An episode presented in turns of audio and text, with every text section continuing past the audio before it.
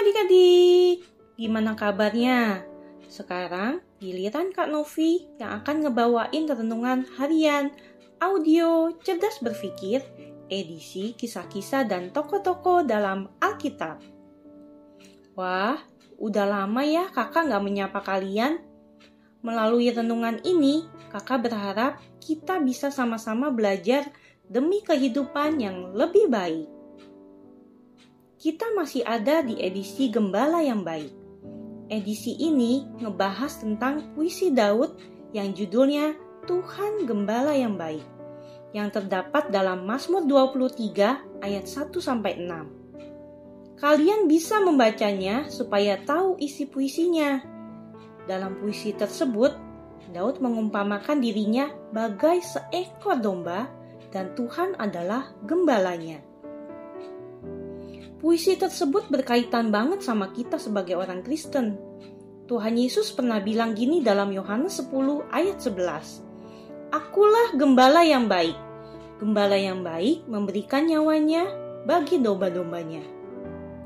Jadi, Tuhan Yesus ibarat gembala, kita ibarat domba. Kemarin kalian udah dengar pembahasan tentang berusaha tenang kan? Yang bacaannya terdapat dalam Mazmur 23 ayat 5. Bunyinya gini, Engkau menyediakan hidangan bagiku di hadapan lawanku. Engkau mengurapi kepalaku dengan minyak, pialaku penuh melimpah.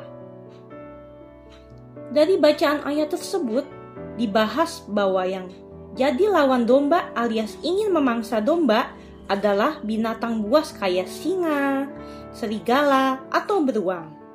Kalau binatang buas datang, yang menghadapinya adalah gembala. Domba-domba mah tetap aja makan, meskipun musuh datang. Udah kayak tamu terhormat yang banyak suguhan, makanan, dan minumannya. Nah, perlu kita tahu nih, domba adalah makhluk yang lemah Walaupun binatang buas adalah lawan dari domba, tapi domba nggak akan melawan binatang buas tersebut. Kelihatannya sih hidup domba damai-damai aja. Nggak memusuhi binatang lain, apalagi binatang buas. Intinya, binatang lain, apalagi binatang buas, bisa saja melawan, ingin melawan, atau memangsa domba. Tapi domba sama sekali nggak ingin melawan, apalagi memangsa binatang lain. Begitulah Daud memaknai dirinya sebagai domba, dan Tuhan sebagai gembalanya. Orang lain bisa saja memusuhi Daud, dan memang ada kok. Tapi Daud mengupayakan diri supaya nggak memusuhi mereka. Nanti-nanti cerdas berpikir akan ngebahas beberapa. Kalian sabar aja. Begitu juga dengan kita sebagai orang Kristen yang seumpama domba gembalaan Tuhan Yesus. Orang lain bisa aja nggak suka sama kita, benci sama kita, ngejelekin kita, senang dengan kesusahan kita, dan yang lainnya. Kita memang nggak bisa atur perasaan orang lain kan? Tapi kita bisa atur sikap kita dengan tidak balik membenci mereka. Kalau kita membenci mereka yang membenci kita, ngejelekin mereka yang ngejelekin kita dan semacamnya, kita nggak ada bedanya dengan mereka. Tuhan Yesus udah kasih kita teladan soal ini. Puncaknya, pas dia disalib, dia malah memohon kepada Bapa di surga supaya mengampuni mereka.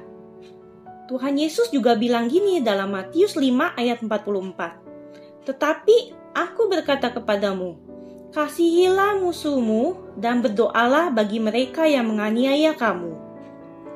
Memang sih ya, kalian juga jangan membiarkan diri ditindas. Misalnya, di antara kalian ada yang mengalami perundungan oleh teman kalian. Kalian gak boleh diam. Kalian tegur mereka dan bilang bahwa mereka gak lebih baik dari kalian kalian laporkan ke pihak yang punya otoritas kayak orang tua, guru, dan yang lainnya.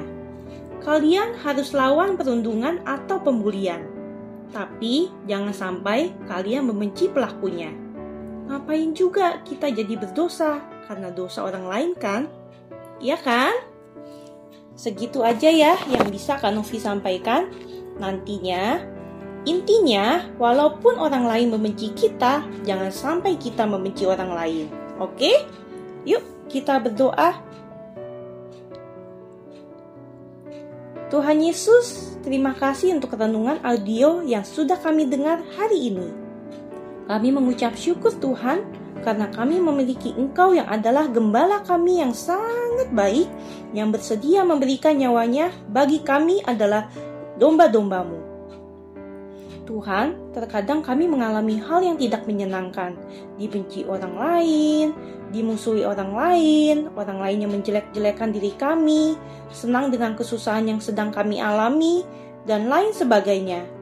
Tetapi firman-Mu mengajarkan kami untuk kami bisa belajar bersabar dan tidak membalas kejahatan dengan kejahatan. Tetapi ajarkan kami Tuhan untuk mengampuni mereka dan mendoakan orang-orang yang menganiaya kami. Dengan kami melakukan hal itu, berarti kami telah mengikuti teladanmu sebagai gembala yang baik. Terima kasih Tuhan Yesus.